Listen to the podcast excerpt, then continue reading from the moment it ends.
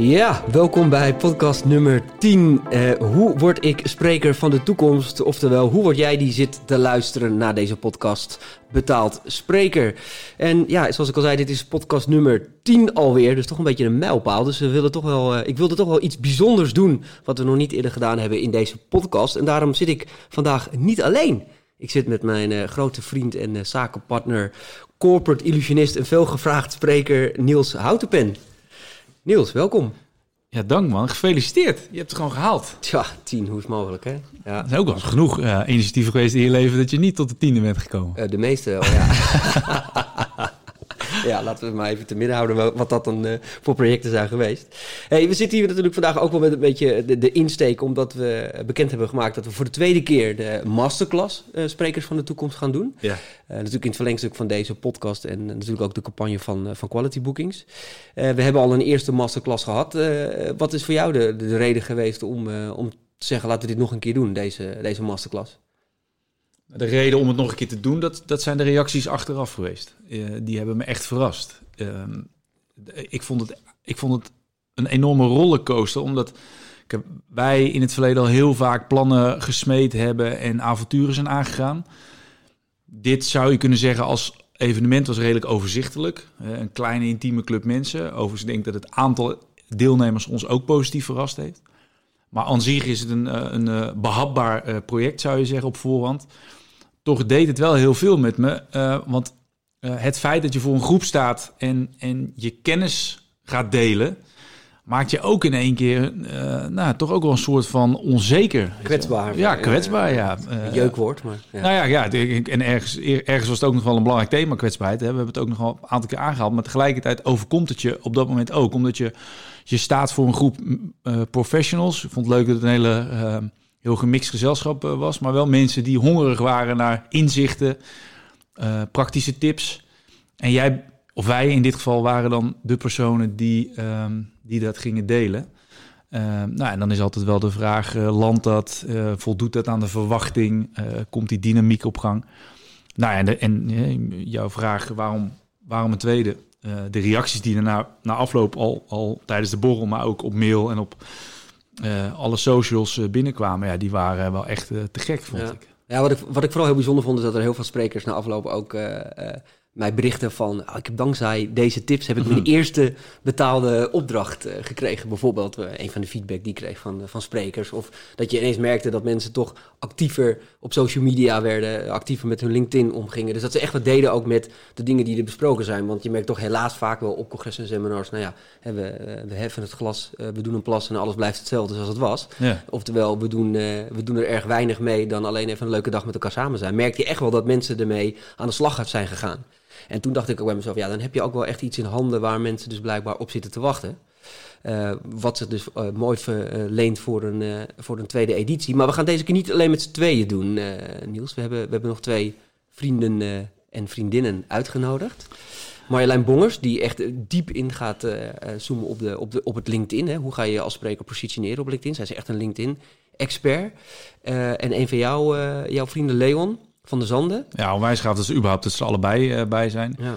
Ik vind het heel tof dat Leon erbij is. Uh, een, mooi mens, wa waanzinnig goede professional. Heeft jarenlang een succesvolle carrière als cabaretier gehad. Um, ook verschillende dingen op televisie gedaan. Heeft vorig jaar besloten eigenlijk een soort van sabbatical in te lassen als, uh, als cabaretier.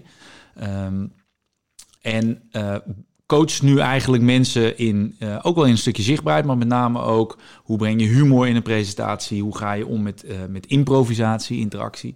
Gewoon een aantal waardevolle thema's die denk ik iedere spreker wel, uh, nou in ieder geval er bewust van moet zijn hoe je dat zou kunnen inzetten. Ja. Ja, eh, eh, laten we dit, want eh, dit, dit, is natuurlijk een podcast die gaat over hoe, hoe word je betaald spreker? Hoe word je de spreker van de toekomst? Uh, als ik, als ik, nou ja, jij bent een betaald spreker. Je verdient je geld. Uh, meestal op, wel. Op het podium. ja, ja, niet ja. elke dag, maar uh, meestal wel. De, even de moeilijkste vraag misschien wel van alles. Wat maakt nou een goede spreker? Dat die, maar dit is, dit is super subjectief, hè? Dus, dus dan verplaats ik me in degene die in de zaal zit. Iemand die me bij de strot grijpt, uh, mijn hoofd weet te prikkelen en mijn hart weet te raken. Dat is volgens mij wat een spreker zou moeten doen om uh, tot, tot de top te horen. Uh, alles daaronder heeft ook bestaansrecht, maar um, wordt ook weer vergeten. Ja. Eh, eh, dus, dus ik denk, wil je, wil je echt het verschil maken, dan maak je het jezelf denk ik makkelijk om, om zo dicht als mogelijk bij jezelf te blijven. Dus die authenticiteit. eh, en dat is denk ik ook een constante zoektocht, maar daar, daar proberen we wel eh, naar te streven. Ja, en, en dat wat je dan doet, hè, je pakt iemand zijn tijd af eigenlijk. Hè, iemand die in het publiek zit, eh, kijkt naar jou en luistert naar je. Ja, dat moet een experience zijn. Eh, en dan is het mooi als, eh, vind ik, als het hoofd en het hart geraakt wordt. Ja, want jij doet het ook met een, met een extra kunstvorm. Hè? Jij bent, je bent van oorsprong natuurlijk goochelaar, illusionist. Ja. Waarom, waarom heb je uiteindelijk de keuze gemaakt om meer dat zakelijke segment in te gaan? Want je zou kunnen zeggen, dat is eigenlijk super saai. eh, om, dan op een congres te staan, terwijl je normaal gesproken op feesten en partijen eh, staat. Maar wat, wat is dan toch de keuze? Eh, Geen geld zeggen, Niels. Geen geld. N- nee. nee, nee. Nee, dat is. Ehm, nee, maar ik, ik denk ook niet dat geld de belangrijkste drijver is geweest. Eh, voor mij was ehm, eh, een van de, van de belangrijke eh, motivaties was dat mijn kunstvorm, zoals het in Nederland, zoals de ruimte ervoor was in Nederland, te vlak was geworden, te eendimensionaal. Ehm, het voelde. Wat bedoel je daarmee? Ik bedoel, Nou dat ja, iedereen ik- ik- op een bepaalde manier naar goochelaars kijkt bijvoorbeeld. Nou, na A, de manier waar, waar tot aan het moment dat ik dit pad op ben gegaan, er ruimte was om eh, te performen. Dat, dat, dan, dan kwam je wel op bedrijfsevenementen, maar dan, dan had je ofwel inderdaad een centrale act op feesten en partijen, waar iedereen al de bitterballen en, eh, en in de lamp aan het hangen was. Ehm, eh, en je dus ook een bepaald type vorm en emotie los kon maken en anderen ook vooral niet. Dat is één. En je, had, je hebt ook een, een hele stroming, dat noem je close-up magic. Dus dan, dan mag je langs de tafels af om je kunsten te vertonen. Ja, dat, eh, ik, da- daar voelde ik me net een prostituee, weet je wel. Dat, ik heb ooit nog ik een gedicht over, ik heb een dus- gedicht over geschreven. Ik weet wat je bedoelt. ja. Dat vond ik echt. eh, en ik overigens heel veel respect voor mensen die dat wel met heel veel bezieling en passie doen. Maar dat was niet mijn. Ik dacht, als ik dit tot mijn zestigste moet doen, dan, eh, dan, dan stop ik nu. Dus dat is één van de redenen. Ehm, en het, het twee. Het, het is ook wel echt een kunst apart dat, hè? Want ik bedoel, ik wil het ook niet te niet doen, zeg maar. Want er zijn een aantal jongens in Nederland die dat onwijs fantastisch. goed doen. Fantastisch. En eh, het zegt meer over types als Ja. wij, dat we, dat we dat niet leuk vinden Nee. zeg maar, om te doen, dan, dan over hun. Want het is echt wel een vak apart. Eh, want je staat toch elke avond weer eh, vier uur lang met je kaarten en je balletjes op zo'n feest over een band proberen heen te schreeuwen om wat aandacht van mensen te krijgen. Om, om onwijs moeilijke kunstvorm. Maar je moet daar wel een bepaald soort type artiest voor zijn. Zeker weten. Ehm, en, en bij mij kwamen twee dingen samen. Ik, net zolang als dat ik perform, eh, onderneem ik ook achter de schermen in allerlei vormen.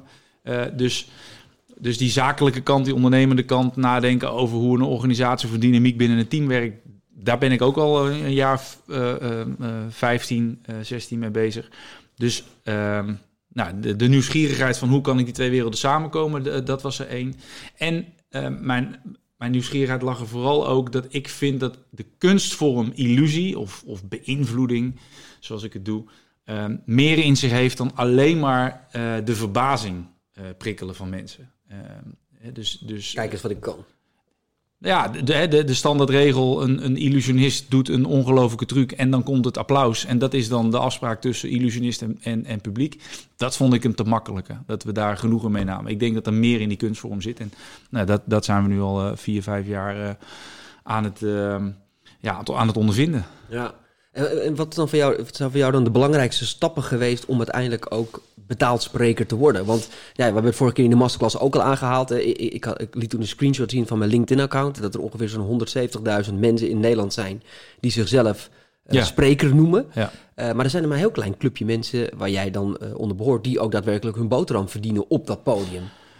Wat, Eh, wat, eh, wat voor mij het belangrijkste is geweest, en dat is mega opportunistisch, hè, dus ik, ik wens dit iedereen toe, maar ik begrijp ook dat niet iedereen het doet, is ik heb bij elke stap in mijn ontwikkeling altijd eerst oude schoenen weggegooid voordat ik nieuwe had. Ehm, dat betekent dus dat ik eigenlijk altijd voor het onzekere ben gegaan versus het zekere.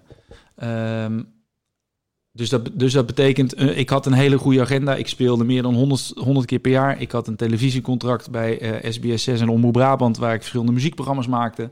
Ehm, eh, eh, ik had daarnaast nog een aantal verplichtingen achter de schermen. Maar dat, dat was eigenlijk een soort van, van ja, veiligheid. eh, maar ik was dat niet. Het was niet de persoon die ik wilde zijn. Dus dat heb ik... ehm, of tenminste niet meer wilde zijn. niet meer wilde zijn. Ja. Ehm, of ik, ik had een verlangen naar iets anders. Eh, en uh, eerlijkheidshalve, de man die, die mede mijn ogen geopend heeft, zit nu uh, tegenover me. Omdat, ik, ik, ik, zat al te wachten wanneer dat ik hier zou komen. ik bouw het rustig op. Ja, en anders wordt het een hele kleffe show. Maar, ja. nee, nee, nee, maar zonder gekheid. Ik bedoel, wij hebben daar denk ik een heel mooi openhartig gesprek over gehad. Uh, waarbij jij zei, oké, okay, weet wat je, wat je wenst. En, en ben je ook bereid de offers te brengen die nodig zijn om, om dat pad op te gaan en om dat ook te, te behalen. En dat, en dat heb ik op dat moment echt wel rigoureus gedaan. Ik had, ik had, uh, ik had verplichtingen naar onder andere uh, uh, SBS, ehm, waar ik het programma Nederland Muziekland maakte, Omroep Brabant, waar ik dingen deed. Ehm, RTL maakte ik een kinderprogramma. Nou, ik, ik deed heel veel. ik was heel druk. Um, maar ik wilde iets anders. Dus ik heb dat echt allemaal losgekoppeld. Ook al die optredens, dat waren niet de optredens die ik wilde. Niet voor de doelgroep waar ik voor wilde spelen. Niet voor de, het type events. Daar ben ik echt gewoon radicaal mee gestopt. Ik was gewoon niet meer boekbaar. Uh, en dat betekent ook dat ja, je op een bepaald moment best wel financieel het, uh, het ook spannend wordt. Want dan droogt ook de eerste omzet op voordat er nieuwe omzet komt. Je hebt zelfs je, je naam veranderd. Hè? Je bent ja, wel lang onder een, onder, een, artiestennaam ja. uh, ge, opgetreden. Nick Nielsen was het toen. Yes. Ooit nog verzonnen door Daphne Murilov volgens mij. Ja, Hans Klok had er nog een aantal oh, in. Klok, ja, ja, ja, waarom was dat eigenlijk? Waarom denk je dat je ooit onder, onder, een, onder een andere naam bent gaan optreden. Was het ook niet een beetje verschuilen achter iemand anders?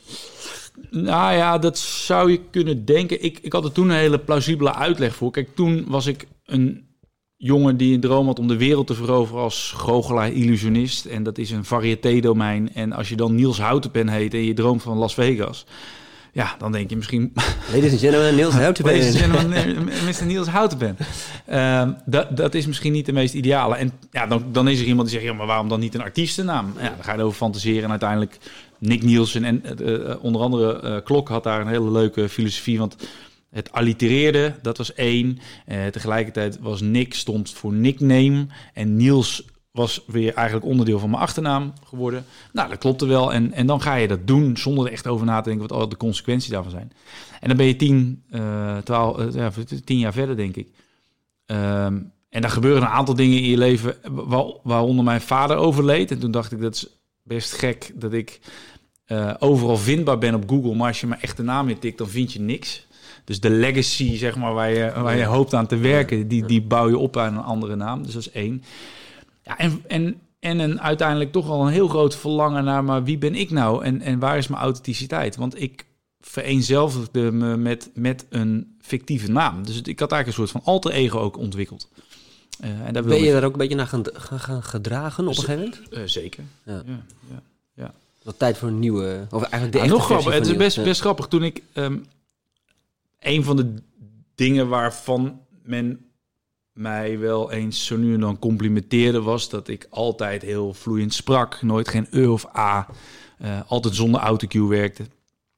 En op het moment dat ik uh, Nick Nielsen inruilde voor Niels Houtenpen, had ik uh, een van de eerste shows was in Ahoy. En dan zou je denken, daar zit normaal sowieso wel een spanning op, maar gek genoeg vond ik dat juist altijd te gek.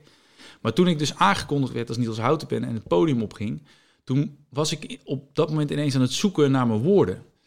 Um, en kwam het er allemaal niet zo vloeiend meer uit. Dus gek genoeg, ergens in mijn brein gebeurde er zelfs ook nog iets in het begin. Okay. Ja. Omdat je ineens echt als jezelf op podium stond. Ja, masker af. Ja. Dus uh, terug naar jouw vraag. Um, ja, wat is er nodig om een succesvol spreker te zijn? Ik, ik denk uiteindelijk dat het sustainable is wanneer je of zoveel als mogelijk jezelf bent, of heel erg bewust bent van de rol die je pakt. Hè? Want er zijn ook natuurlijk gewoon sprekers die uh, absoluut iets anders inzetten dan authenticiteit. Maar dan moet je wel bewust zijn dat je ook echt iets anders inzet. Op het moment dat je iets anders inzet en je bent je er niet bewust van, of je gaat erin geloven dat dat je authenticiteit is, dan wordt het heel eng. Ja, want wat bedoel ik? Wat bedoelen dat andere mensen iets inzetten? Nou, ja, er, zijn, er, zijn, nou, er zijn bijvoorbeeld cabaretiers die ja, uh, begenadigd spreken zijn, ja, maar die, ja, die een bepaald uh, uh, bepaalde emotie of een bepaald sarcasme of zo een beetje ja, inzetten, maar maar wel heel bewust dat inzetten. En op het moment Wat vind jij de beste spreker van Nederland? Wauw. Um... Dat toch geen moeilijke vraag zijn? Nou ja, daar wil ik even over nadenken. Daar kom ik zo terug. Ja, uh, ja, daar kom ik op terug. Ja, maar ben jij iemand die van... Ja, ja, ja, ik ken natuurlijk wat langer, dus ik vraag een beetje naar de bekende weg misschien. Ja, dat maakt niet uit. Uh, maar ben jij Doe iemand, ik dadelijk ook. Uh, iemand die... die, die nou, liever een Ben Tichelaar of liever een, een, een, een Guido Weijers? Die, die humor inzetten om, om zijn verhaal kracht bij te zetten? Ja, en dan vind ik Guido niet het perfecte voorbeeld, omdat ik dat dus iemand vind die, die iets inzet wat niet authentiek is. Dus ehm, ik heb heel veel respect voor, voor de carrière die hij opgebouwd heeft en, en, en persoon uh, uh, wie hij is. Ehm, maar, maar als spreker gaat mijn hart er niet, niet sneller van kloppen. Dan, dan, dan, dan, ja, dan zijn er cabaretiers die, die ik authentieker vind. Oké. Ja. Die wat meer zichzelf zijn in hun verhaal. Ja. Kan, kan dat als cabaretier? Kun je ook authentiek zijn als cabaretier? Nou ja, ik, ik vind Theo Maassen urgenter en authentieker dan Guido Weijers. Ja, oké. Textueel gezien uh, sterker.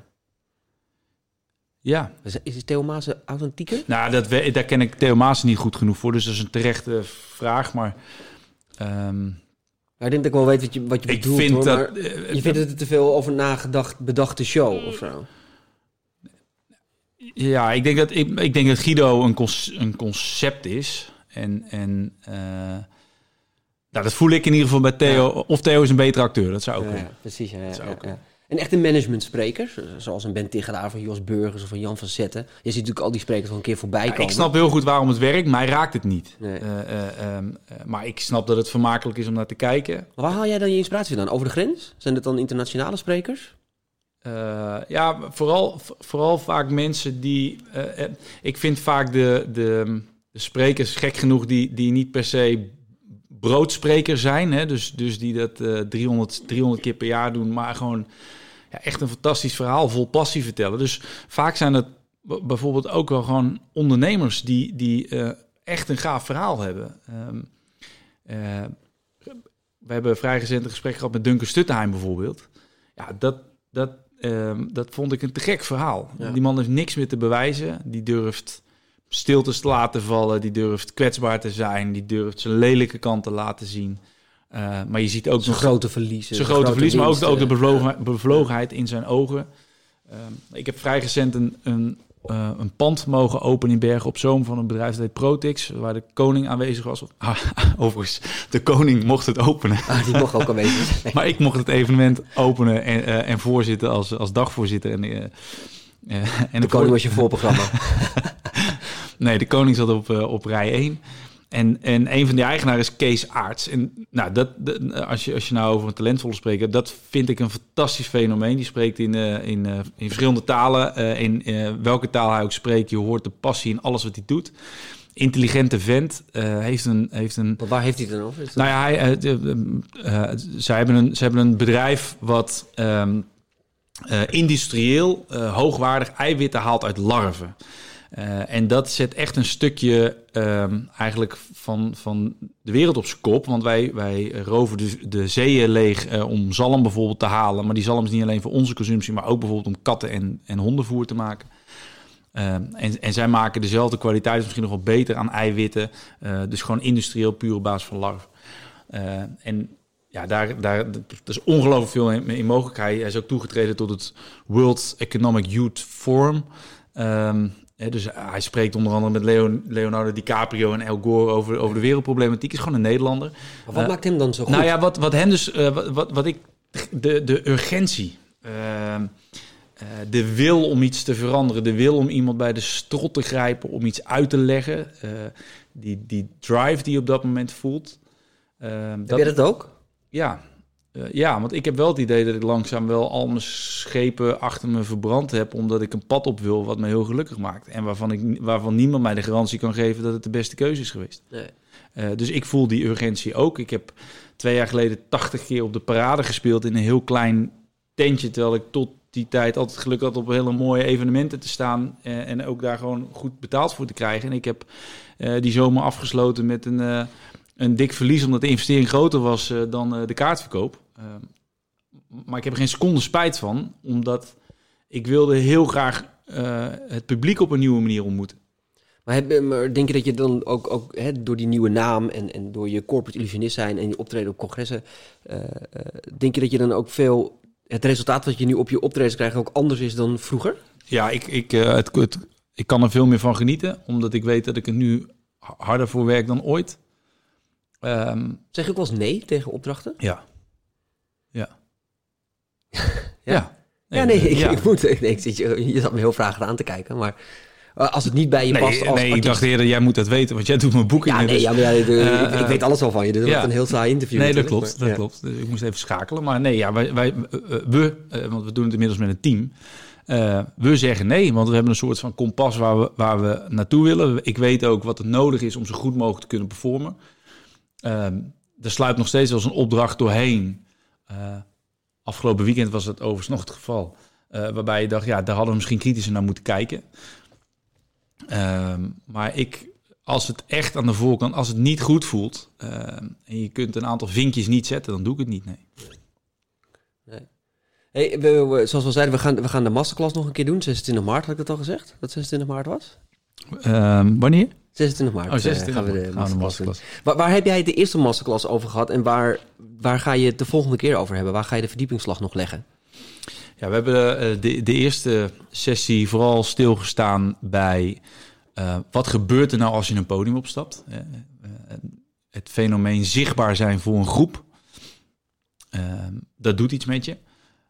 Eh, bij 99% van de wereldbevolking is het de doodsangst nummer één om zichtbaar, het zichtbaar te zijn voor grote groepen. En, en wij willen daar dan in één keer eh, ons beroep van maken. Eh, dat maakt ons sowieso al eh, eh, eh, best eh, apart. Ja. Ehm, Heb je dat ooit gehad? Die angst om het podium op te stappen?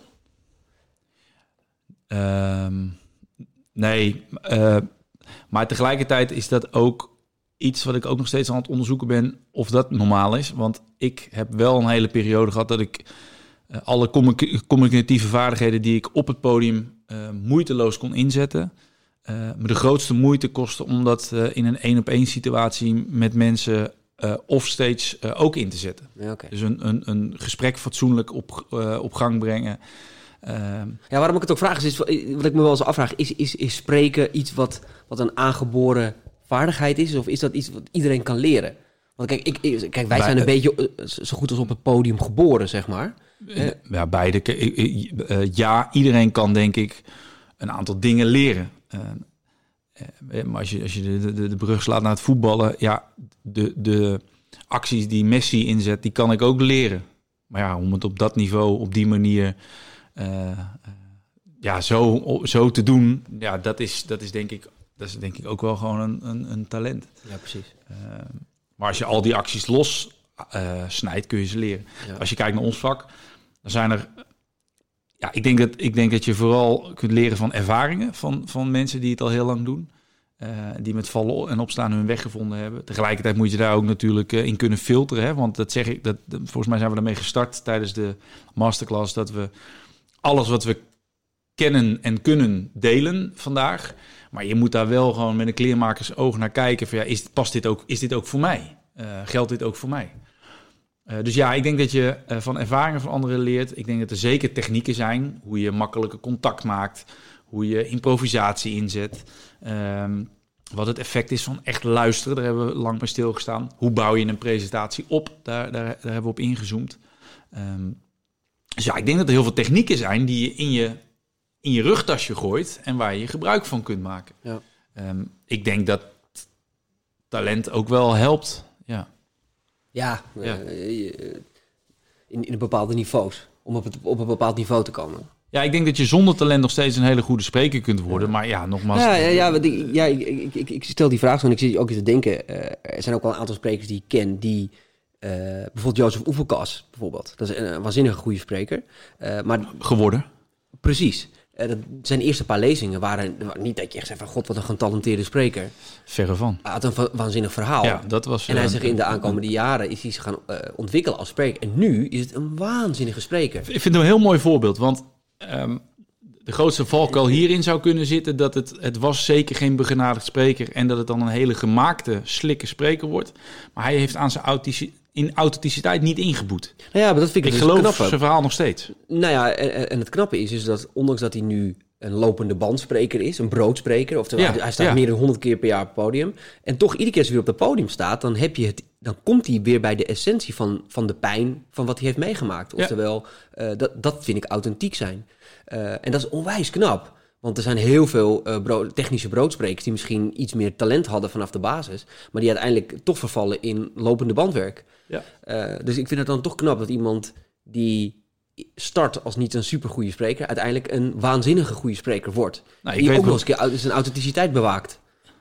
Ja, uh, super knap. en overigens, als je het hebt over een van de me uh, meest impactvolle sprekers van dit moment. Uh, terug naar jouw eerste vraag, waar ik wat bedenk uit vorige vraag. Oh, je hebt ook je tijd genomen. nee, maar dan vind ik Jozef Oebekas vind ik wel, ja. vind ik wel echt tot de top behoren van Nederland. Uh, maar het is ook wat, want dat is, dat is, maar dat is meer de opdrachtgever uh, die daarover na zou moeten denken. Wat, wat wil je dat een spreker losmaakt? Want als we het over Ben Tichelaar hebben, is natuurlijk ook gewoon wel een, uh, een fenomeen. Ja, ik, kijk, uiteindelijk zijn we nu operazangers aan het vergelijken ja, met Nederlandstalige zangers. Nee, het zijn allemaal verschillende genres natuurlijk. En... Kijk naar wat ik ook altijd heel grappig vind om naar te kijken. En die heeft er ook hard voor moeten werken, weet ik. Want ik heb daar met hem één op één vrij uitgebreid over gesproken. Pieter Zwart, ja. CEO van Coolblue. Als je die nu zijn verhaal uh, uh, hoort vertellen uh, en ziet performen, ah, dat, dat, dat loopt als, als een malle. dat is echt een goed verhaal. En iedere ondernemer of iedere professional binnen een organisatie, die vindt het zo gaaf om te horen. Mm -hmm. Maar hij heeft er heel hard aan gewerkt. Ja. Ehm, echt hard aan geschaafd, veel uren gemaakt kilometers gemaakt. En ja, en nu, nu loopt dat uh, onwijs goed. Ja. Ook leuk om te zien. Nou ja, je moet het ook de tijd geven. Ik bedoel, uiteindelijk is dat met elke carrière zo. En zeker met spreken in de openbaar. Uh, en op welk punt je ook start in je carrière qua talent, hè, misschien. Ik bedoel, de ene die ja. begint al omdat hij een begnadigd spreker is. Maar je moet het de tijd ook durven geven. Ja, en, en ik denk dat het heel erg... Kijk, ondervinden of je talent hebt, ja, dat, dat, dat, dat ga je ervaren, denk ik. Um, maar, maar belangrijke elementaire technieken... Um, en inzichten uh, tot je nemen, gaat je wel helpen om daar gewoon snel slagen in te maken. Ja. Heb, en moet je ook voor fouten, denk ik. Hebben we eigenlijk ook feedback gehad, uh, uh, kritiekpunt op de, op de masterclass van mensen? Zeker. Um, dat heeft vooral te maken met managen van verwachtingen. We hadden een hele diverse groep binnen.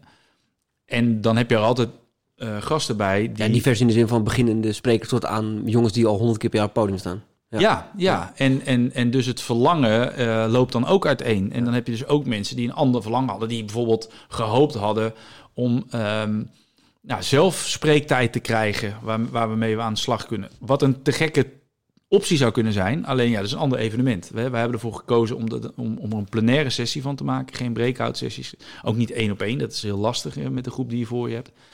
Um, en, en plenair te inspireren, interactief te maken. Uh, en, en verschillende onderwerpen te belichten. Nou, op het moment dat je dan het verlangen hebt van ja, maar ik heb, ik heb hier 12 minuten materiaal en ik zou heel graag voor de groep willen staan en dat ik soort van live geregisseerd word, ja, dan valt dat tegen. Uh, ik, ik weet dat er ook direct feedback kwam dat jij het op een gegeven moment had over, ik een heel, heel mooi topic wat je aanhaalde van ja, denk na over de, de, de pricing. Hè? Dus wat, wat ga je vragen als spreker? Uh, ja, ja, het marketingaspect. Ja, van, heel belangrijk marketingaspect. Um, want daar kun je of heel veel achterstand oplopen, of, of een verkeerd beeld scheppen, of, of juist heel veel voordeel halen door er goed over na te denken. Dus ik vond het een boeiend onderdeel. Maar er waren een aantal mensen die vooral in companies spreken. En die zeiden, ja, maar waarom moeten we het hier nou een half uur over hebben? Want ja, uh, ik, ik ga helemaal geen geld vragen. Nou, nee, ja, dat is inderdaad dat, de, de uitdaging van de diversiteit ook van de zaal. Ja. ja. Je hebt natuurlijk zoveel verschillende... Er waren een aantal sprekers die hun eerste boeking of een eerste spreekopdracht nog moesten, uh, nog moesten krijgen überhaupt. Hè? Die, die, die nog aan het ontdekken waren of ze dat uh, sprekersvak iets voor ze waren. Ik vond het ook heel leuk dat er ook discussie kwam over uh, bepaalde bedragen werden genoemd. En dan ja, mensen echt bijna in de, in de weerstand gingen van ja, maar zoveel kun je toch helemaal niet vragen. Mm -hmm. Ja, dat was natuurlijk ook wel een beetje het idee om, ja. om die discussie ja. op gang te brengen. Dat is ook een beetje jouw persoonlijkheid. Ja, ik hou wel van mensen een beetje uit hun comfortzone trekken. nee, maar het is natuurlijk wel leuk om mensen daarna te laten... Kijk, kijk, ik bekijk het natuurlijk vanuit een andere optiek. Ik bedoel, ik doe niks anders dan de hele dag sprekers verkopen en in de markt zetten. Uh, um, en ik vind het leuk om mensen te triggeren. Ja. Om eens te kijken van, nou ja goed, zeker ook beginnende sprekers... die maken het voor, voor zichzelf vaak heel erg ingewikkeld. Terwijl het vaak helemaal niet zo heel ingewikkeld moet zijn. Alleen je moet dedicated zijn om, om erin te duiken. Dus om dan af en toe eens een, een hele harde stelling neer te leggen van uh, je moet niet onder de drie, 3000 euro gage vragen. Ja, dat is natuurlijk, dat, dat maakt wel discussie los natuurlijk. Ja. Dus dat vond ik wel heel leuk om het op die manier uh, uh, aan te vliegen. Overigens, ga, misschien dat we nog wel gaan proberen om hier en daar wat aandacht te krijgen om mensen het podium op te halen deze keer. Dus al, al is het maar kort. Ja, dat gaan we zeker doen, maar Ja. je kunt nooit... We hadden afgelopen jaar bijna 80 Ja. deelnemers. Ja, precies. Ja, het is onmogelijk om die allemaal eh, op het podium te krijgen en die goede, goede aandacht te geven. Ehm, en, en, en terug naar de, de structuur van de dag. Wij, wij hebben vorige keer samen de volledige dag ingevuld eh, vanaf eh, de bühne, waarbij ik Nou, daar hebben we veel kritiek op gehad, hè? Ehm, waarbij ik g- getracht heb het inhoudelijke deel te pakken en jij het commerciële traject. Positionering, marketing, et cetera. Ik denk dat we weer in die structuur gaan denken. Alleen dat we er nu twee hele mooie gastsprekers bij hebben. Waarbij Leon mij komt ondersteunen in de ochtend. Hebben we dat samen gaan invullen. Ehm, en eh, ja, en jij in de, in de middag natuurlijk gewoon een, eh, een hele sterke dame erbij hebt. Nee, absoluut. En eh, nou ja, wat ik, wat ik heel leuk vond ook om te merken, ik heb natuurlijk in mijn middagprogramma het sprekerskompas ook vooral met, met iedereen besproken. Hè, van Ja. hoe, hoe, hoe, ja, weet je, hoe bouw je nou je, je, je kompas om je sprekerscarrière goed te starten? Eh, wat je kernwaarden moeten zijn, hoe je alles, eh, nou, je, waarom, waarom je uiteindelijk op het podium gaat staan, alles wat erbij hoort. Maar wat ik best wel leuk vond, is dat ik daarna ook na afloop van het evenement van heel veel sprekers ook een sprekerskompas uiteindelijk heb ontvangen. Van joh, kijk er eens naar, is dit wat je bedoelt? Kun je er nog wat kritiek op geven? Eh, en dat, dat vind ik wel heel leuk, dat mensen er echt mee aan de slag zijn gegaan na het evenement. En eh, ik hoop dat we dat de tweede keer ook weer eh, op die manier kunnen bereiken. Nou, en nog sterker, dat, dat ik ook op LinkedIn, eh, dat vind ik heel gaaf om te zien. Dat geeft je ook een warm gevoel. Dat, dat mensen elkaar ook gevonden hebben en elkaar ook aan het inspireren Ja. zijn en dingen aan het delen zijn. En, ja, en zo zou het ook moeten zijn, weet je. Het is, het is een, een ambacht, je bent collega's van elkaar. En, en ehm, nou, die wensen hebben we ook uitgesproken aan het einde van de dag. Hè. Laat het hier niet stoppen. Eh, blijf elkaar inspireren en, en elkaar vinden. En dan is het leuk, dat kun je natuurlijk, dat is mooi aan social media, je kunt heel mooi monitoren. Dat, dat je ziet dat dat eh, in beweging blijft. Dus dat is alleen maar gaaf. Ehm, en wat ik, wat, ik, wat ik nog steeds hoop, en ik denk dat we dat gerealiseerd hebben, en was een van de eh, drijfveren om dit te doen, is je hebt, en dat is heel Amerikaans, ehm, nu op dit moment zoveel van die, van die all-inclusive pakketten, alsof je een soort medicijn bij de apotheek haalt, op recept. En als je dat neemt, dan word je een succesvolle spreker. Oh, ja, Ehm, En ik zie zelfs af en toe advertenties voorbij komen van eh, how to be a million dollar speaker. ja, Dat soort dingen. Ja, die ga ik ook nog een keer boeken. ja die moet je zeker doen. Ja, kost me 700 euro. Ja, maar dat is... eh, kijk, en ergens kun je zeggen... Ja, je, weet, bent, je, je bent volwassen en je trapt er zelf in. Aan de andere kant... Ja, pak je natuurlijk gewoon iemands eh, weak spot. Want iemand wil graag een stap zetten. En, en grijpt alles aan om dat te bereiken. En, en ik, dat is ook... Bedoel, wij zijn eh, eh, al honderd jaar grabbers. Maar ik vind dat ook onze taak om daar... eh, ja, ik wil daar zo zuiver mogelijk in zijn. Dat betekent dat ik ook soms vragen heb gehad gedurende de dag. Want het is een hele interactieve dag. Het is ook een hele intense dag. Waarbij ik ook eerlijk terug heb gegeven... Joh, dat is niet per se mijn expertise. Of, of eh, moet ik even over nadenken. Eh, wij, wij, zijn, wij zijn niet de twee goeroes die daar staan, alles wetend... en het gaan vertellen hoe het moet. Ik denk dat we heel, dat we heel ervaren zijn. Dat we onwijs veel inzicht hebben. Dat we op het allerhoogste niveau proberen dat te doen wat we doen. En daardoor zeker eh, waardevolle kennis delen. Uh, maar ik vind het dat hele Amerikaanse model van luisteren naar ons en dan komt het goed. Uh, ik vond het mooi dat, dat ja, dat, ik denk niet dat we op dat pad gegaan zijn. Want dan, Nee. dan be- bevind je op een, eh, op een hellend vlak. Wat zijn, wat zijn nog jouw, eh, jouw doelstellingen als spreker? Waar, waar, zou je, waar zou je uiteindelijk willen eindigen? Ja, Ja, ja, of weet eindigen klinkt je, een ik- beetje zwaar. Ja, eh, volgend jaar. We zitten tegen het einde van het jaar. Nou de ja, laatste daar ben ik- podcast van ik- 2019. Daar probeer ik ook echt oprecht A, dankbaar te zijn voor alles wat er op dit moment gebeurt. En tegelijkertijd ook gewoon... eh, eh, een beetje saai antwoord. Ja, nee, maar het is wel zo, man. Ik, ik ben ook een beetje saaie gast geworden al sinds een aantal jaar. En ik, probeer, ik ga het nog saaier maken. Ik probeer er ook nog een soort van nederig in te zijn.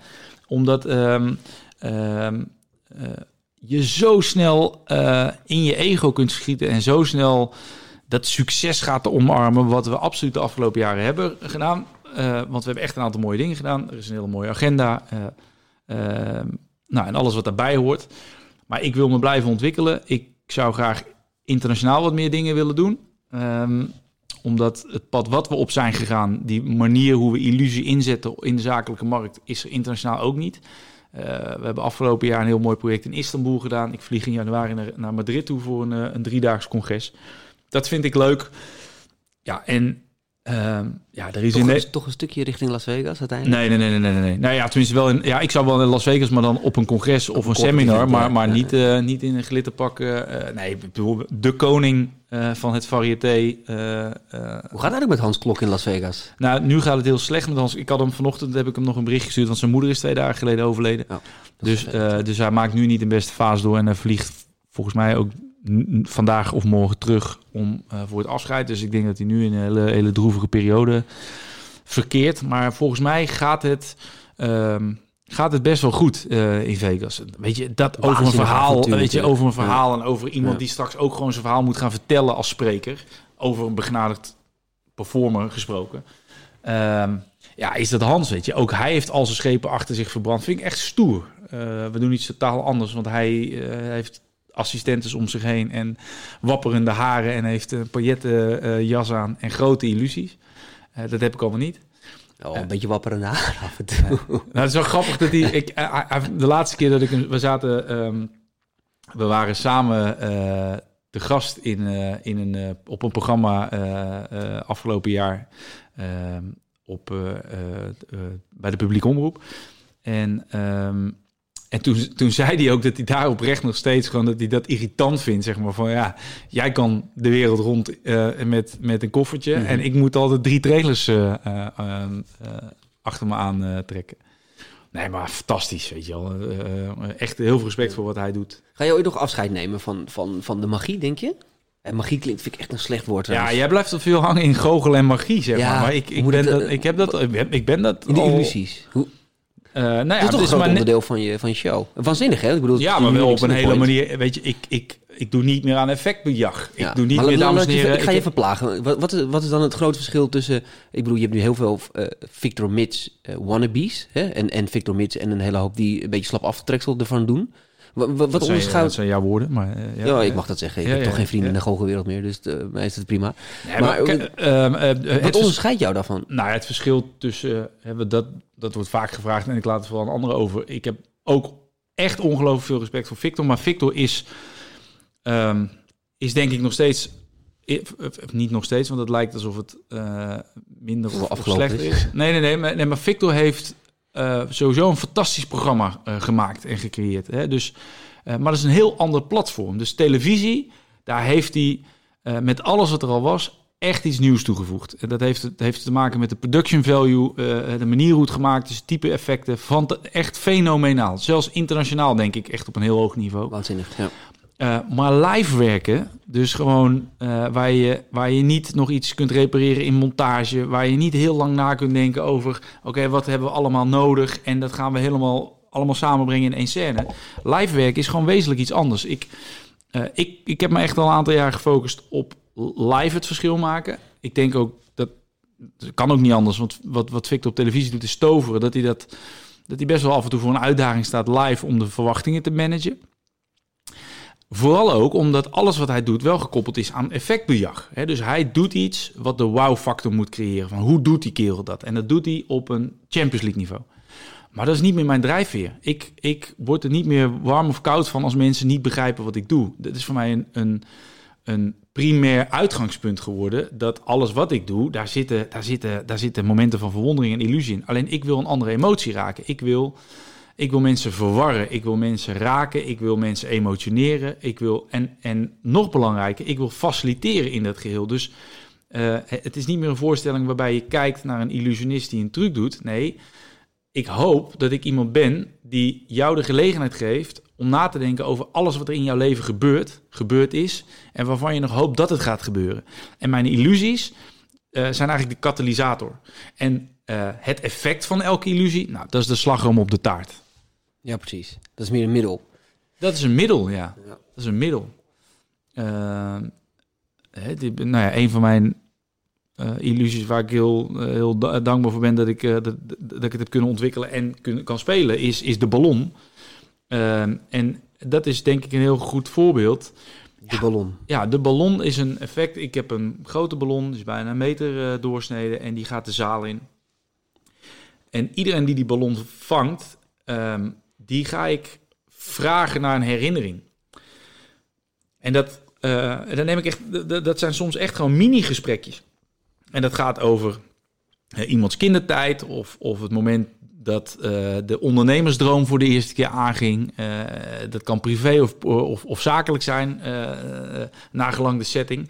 En mensen duiken dus echt in hun eigen verleden. En dat, dat geeft echt soms ook een hele bijzondere anekdotes. Mensen heel openhartig zijn in een setting waarvan ze eigenlijk vooraf niet van plan waren dat te doen. En uiteindelijk filter ik daar iets uit. En dat iets, dat is onmogelijk voor mij om te weten. En aan het einde haal ik die ballon erbij en dan wordt die ballon opengeklapt en dan zit daar een briefje in. En daarop staat iets wat uh, raakt eigenlijk aan een verlangen van die mensen. Uh, en die verlangen, dat verlangen komt voort uit hun ervaring uit het verleden. Nou, dat ik weet wat hun verlangen is, oké, dat is de slagroom op de taart van hoe doet die kerel dat.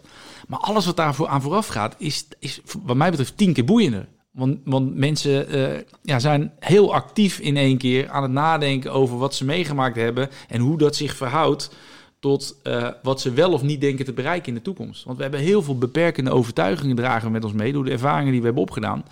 Door de keren dat we op ons bek zijn gegaan, zijn we erin gaan geloven dat bepaalde zaken in de toekomst niet meer lukken. En ik ben van mening dat alles lukt. Uh, als je maar de band breekt met je, met je beperkende overtuigingen. Nou, en dat soort thema's in die voorstelling stoppen, ja, daar, daar ben ik pas. Dat is een ontdekkingsreis van heb ik jou daar. Ja, gaaf. Hey, je staat ook wel eens op een podium als dagvoorzitter. Hè? Eh, er zijn natuurlijk ook een aantal dagvoorzitters, of best wel veel dagvoorzitters, die naar deze podcast luisteren, die ook naar onze masterclass komen. Ja. Is, is, dat, uh, is, is dat een vak apart? Of heb je zoiets van, ja, weet je, als je... Ja, ja en nee. Ik ben, ik ben uh, er zijn er maar een handjevol, denk ik, die, die als het een vak apart is, het fris kunnen houden. Want als je elke dag als dagvoorzitter uh, speelt. Kijk, een dagvoorzitter zit op de kwantiteit en niet op de kwaliteit. Terwijl ik vind alles wat je op een podium moet doen, moet, moet op de kwaliteit zitten. En wat ik daarmee bedoel is, als ik spreek, of als überhaupt een spreker spreekt, dan spreek je tussen de 20 en de 45 minuten. En dan kun je pieken. Uh, als dagvoorzitter moet je ochtends om 8 uur op een congres aanwezig zijn. Je gaat als laatste weg. Je moet tien keer dat podium op. Je moet tien keer dat publiek voor je winnen. Dat is, uh, dat is absoluut een vak op zich. Maar op het moment dat je dat 200 keer per jaar moet doen... Ja, dan moet je heel stevig in je schoenen staan... om niet te vervallen in trucjes, maniertjes, de automatische piloot, et cetera. En dat zie je dan ook heel vaak gebeuren. Ja, ik snap wel wat je bedoelt. Maar of de trucjes zijn, het is meer dat je ook begint ook merkt... dat het meer dan om hunzelf gaat dan om uh, de bijeenkomst. Ja, nou ja, dat, dat, dat is een beetje vervallen dat, een nog duidelijker, zeg maar. ego-show, ja, zeg maar. Ja, want dat is een ander ding. Een dagvoorzitter heeft een andere functie je bent dan een spreker. van de bijeenkomst exact. en niet andersom. Dus je moet je ego op de eerste plaats wegcijferen. Nou, er zijn heel veel dagvoorzitters met een heel groot ego. Ja, of in ieder geval zoveel mogelijk. Kijk, het, je hele ego wegcijferen is natuurlijk uh, moeilijk. Maar het gaat er op een gegeven moment om dat je... Nou ja, dat merk je bij heel veel artiesten. Bij, ook bij sprekers merk je dat. Dat als ze op een gegeven moment langere, voor langere tijd op een podium staan... dat ze te veel in zichzelf gaan geloven. En dan wordt het, en wordt het een ego-gedreven spreker, word je dan, of dagvoorzitter. En nog, nog belangrijker, alleen ja, dat eerlijke gesprek ga je bijna met niemand hebben. Uh, de vraag, waarom doe je het? En er zijn heel veel dagvoorzitters, en er is niks mis mee als je het maar durft te erkennen, die uh, niet geslaagd zijn in hun ambitie om een succesvolle tv-presentator te worden. Uh, misschien zelfs niet geslaagd zijn in de ambitie om een succesvolle spreker te worden. En dan worden ze dagvoorzitter. Mm -hmm. um, Oké, okay, als, dat, als dat de reden is, maar ja, durf daar wel zuiver naar te kijken. Want als je dat vergeten bent dat dat ooit de reden is geweest, ja, dan maak je denk ik ook weer de fout om weer heel erg uh, uh, ja, in dat fenomeen te gaan geloven. En dan, dan krijg je dus dagvoorzitters inderdaad die, die er een soort van one-man show van maken. En dat kan je smaak zijn. Um, ja, ik zie dat vaker misgaan dan goed gaan. Dus, dus... Nou, je hebt de afgelopen tijd heb je natuurlijk, uh, we hebben natuurlijk samen Business on Stage georganiseerd. Hè? Vier keer in, uh, in de Lamar Theater dit jaar. Ja. Uh, daar ben jij natuurlijk een beetje in, in, of tenminste een beetje, daar ben je volledig in de rol gekropen van, van interviewer. Ja. Live op het podium. Maar op het moment dat ik denk dat ik, op het moment dat ik erin ga geloven dat ik een interviewer of een journalist ben, dan ga ik een enorme fout maken. Mm -hmm. He, dus ik ben me heel erg bewust dat ik, dat ik iets aan mag gaan wat niet per se mijn vak is, wat ik onwijs gaaf vind om te ontdekken, waar ik me ook heel, uh, uh, nou, ook heel kwetsbaar in voel. Ja. En daardoor kan ik doen wat ik doe. Um, maar ik ben niet een, ik ben niet een uh, fulltime interviewer of een fulltime presentator, journalist nee. of zo. Ik vind het onwijs spannend terrein, maar ik ben iets anders. Ja. En vanuit die rol dagvoorzitter zijn vind ik onwijs gaaf om dat een keer of uh, 20, uh, 25 per jaar te doen. Maar dat, dan uh, ja. Houdt het voor mij ook op om het ook fris te kunnen houden. Ja, maar dan combineer je het ook wel uiteindelijk met je illusies. en Altijd. je Ja, want als je dat Ja, weghaalt, ja, dan dat is voor mij eh, eh, een stukje onderscheidend vermogen. Mooi man. Ja. hey, hoe heet dat? eh, de masterclass komt er bijna aan. Hadden we, hadden we al de datum gezegd. Daar twijfel ik aan. Ja, volgens mij hebben we het nog niet eh, benoemd. Maar het is, Oh. volgens mij is het 26 maart. 26 maart. Ja, het zou wel super tof zijn als we weer met een grote groep eh, sprekers aanwezig zijn. Omdat, eh, ik, merk, omdat ik ook merk dat gewoon, het inderdaad wat jij ook al zei, het, het wordt bijna een soort netwerkclubachtige bijeenkomst. Ah, Dat is gaaf. dus kennis delen, elkaar motiveren. ja, ja. Maar ik vind het ook gewoon tof. ehm, en dat geldt dus ook voor dagvoorzitters. Ik heb liever 100 goede dagvoorzitters ja, dan 100 slechte. Mhm. Ehm, dus als we elkaar kunnen inspireren. En, en overigens, dat vind ik wel leuk aan de, aan de community waar wij uitkomen. Ook al wil jij dat graag vergeten. Maar in de magische wereld heb je, toch, eh, eh, eh, eh, eh, ehm, heb je ook mensen die elkaar helpen om naar een hoger niveau te tillen. Bij comedians zie je dat ook. Er is ook gewoon heel veel oorlog en mensen die elkaar niks gunnen. Maar gelukkig zijn daar ook clubjes die elkaar monitoren, kijken oké, hoe ga je er, en, en hoe kunnen we het beter maken. Ja, als we dat binnen het platform Sprekers van de Toekomst ook kunnen creëren, is natuurlijk te gek. Nou ja, dat is eigenlijk wel ook het idee waarom we het gedaan hebben. Er, er, er, is, er zijn wel een aantal sprekersgerelateerde clubjes, maar die zijn toch altijd wel wat beperkter of eh, beperken zich vaak tot hobbyisten. En nou ja, we hebben nu wel denk ik eh, het voor elkaar weten te krijgen ook een hele grote groep professionals echt bij elkaar te krijgen. en hele ambitieuze, deelnemers. ja, en hele ambitieuze beginners. En ik vind het heel leuk om die bij elkaar te brengen. Eh, nou ja, en, en, en eh, een goed inhoudelijk programma te brengen. Eh, ja, en zeker ook in mijn geval ook op marketingniveau. Want je hebt natuurlijk best wel veel evenementen al die ingaan op hoe word ik een beter spreker op het podium. Maar wij zijn denk ik wel een van de weinige programma's die het ook doortrekken tot hoe zet ik me zakelijk in de markt. Ja, ja, eigenlijk een soort 360 graden model. Maar dat gezegd hebben, want eh, ik heb wel verteld dat ik in de, in de ochtend ga doen en, en wat Leon gaat doen. Maar wat, wat gaan jullie in de middag doen? Nou ja, we gaan natuurlijk een. eh, een eh, we hebben vorige keer in de masterclass vooral bepaald hoe je je sprekerskompas bepaalt. Oftewel, hoe start je je sprekerscarrière op marketingniveau.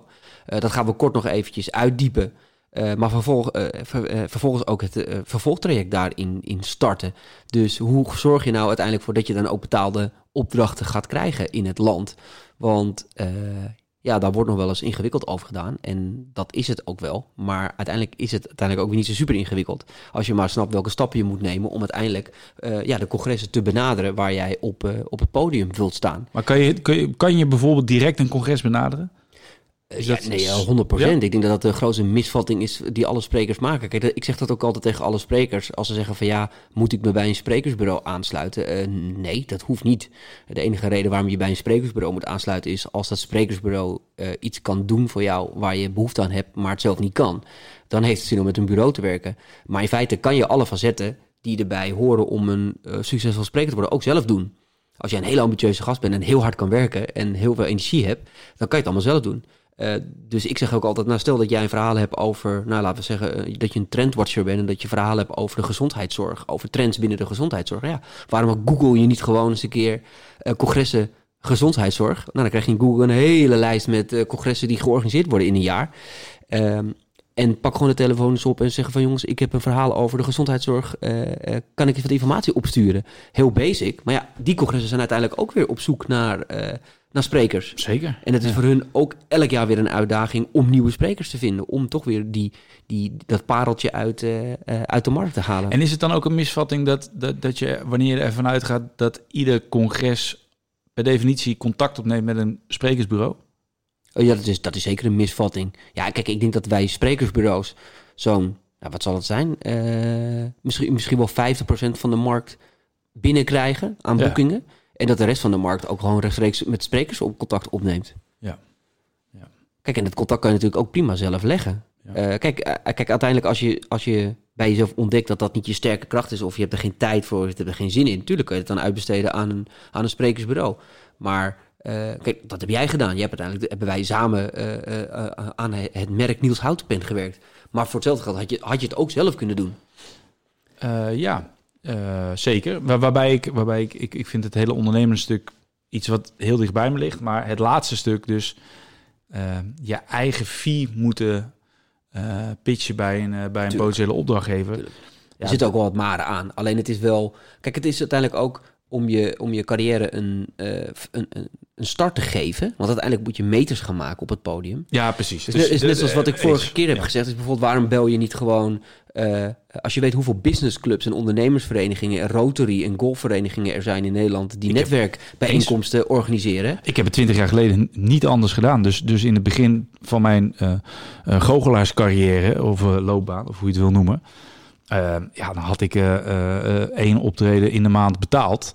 En daarnaast ging ik iedere, iedere vereniging. Dus het is wel grappig dat je dat zegt. Want ja, dat heb ik niet anders gedaan. Dus ik, Ja. Maar ik denk wel dat het dan.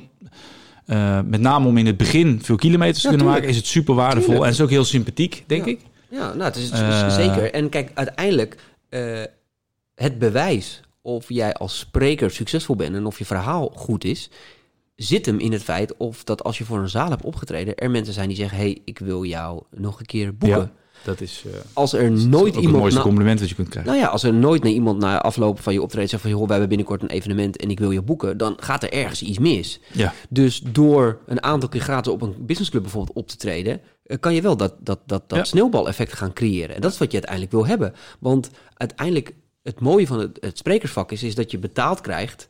eh, maar tevens ook bezig bent met je eigen marketing. Want Ja. in zo'n zaal zitten altijd wel weer 100, 200 ondernemers... die ook allemaal wat organiseren binnenkort of over een jaar. Nou ja, die moet je dus eigenlijk dan activeren om te zeggen... hey, die wil ik volgend jaar ook hebben. En Ja. zo ga je uiteindelijk je sneeuwbaleffect creëren. Ontstaat dat sneeuwbaleffect niet... dan heb je of te weinig podia waar je op staat... of je verhaal is niet sterk Ja, genoeg. Ik ben niet goed genoeg. Ja. Nou ja, kijk, en, en op dat soort dingen... eh, als je dan vraagt waar gaan we het dan over hebben... dan gaan we het daar bijvoorbeeld over hebben. En Marjolein die gaat heel erg de diepte in over LinkedIn. Kijk, LinkedIn is echt een belangrijk platform. Ik, ik, ik ben heel actief op LinkedIn, dat weet je. Eh, en wij halen ook echt onwijs veel business uit, eh, uit LinkedIn. Maar wat zijn nou de regels? Ja, wat zijn nou de regels? Wat zijn nou de do's? Wat zijn de don'ts? Wat voor filmpjes zet je er wel op? Wat voor filmpjes niet? Wat zijn de beste tijdstippen om, om dingen op, op social media te plaatsen? Moet je heel erg de interactie aangaan of juist niet? Nou ja, dat soort zijn allemaal de thema's waar zij, zij, zij het over gaat hebben.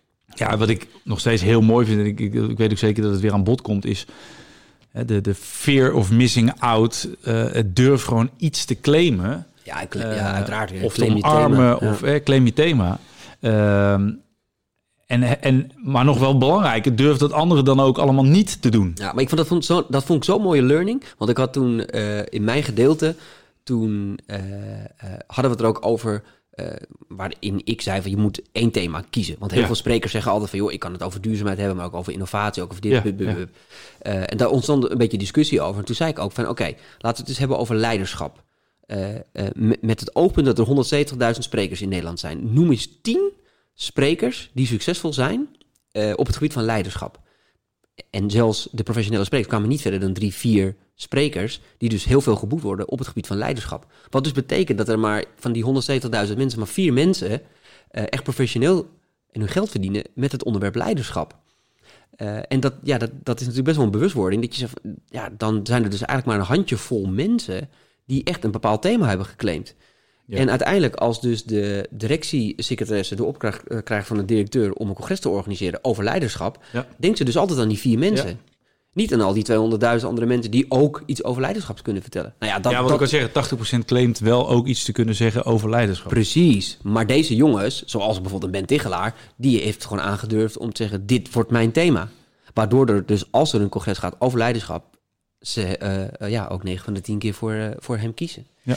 Ja, superleuke eh, thema's zijn dat natuurlijk die allemaal naar voren komen. We gaan echt de diepte weer in. We gaan netwerken met, met iedereen. En volgens mij hebben we tot, of tenminste volgens mij, dat weet ik wel zeker, tot 1 januari kan je nog de, de early bird tickets kopen. Dus dan kan je nog voor een mooie instapprijs deelnemen aan het congres. mooi. Het klinkt ook meteen als een autoverkoop. Ja, ik ben ook al een beetje een eigen. En, eh, hoe heet het? Ik weet nog dat de hoofdredacteur van Quote noemde mij ooit een eh, omhooggevallen stofzuigerverkoper. Oh ja. nou, ik heb er nooit een mooi compliment gehad. hey Niels, eh, bedankt jongen voor deze, voor deze podcast. Ik vond het leuk dat je Ik vond het ook leuk. deze met mij samen wilde doen. De tiende podcast. Uiteraard gaan we ook weer verder met de reeks eh, inhoudelijke podcasten over eh, hoe je eh, professioneel spreker kan worden en eh, betaald spreker. En uiteraard hopen we dat iedereen. wanneer was het ook weer? 26 maart. 26 maart bij de masterclass is. Dankjewel voor het luisteren.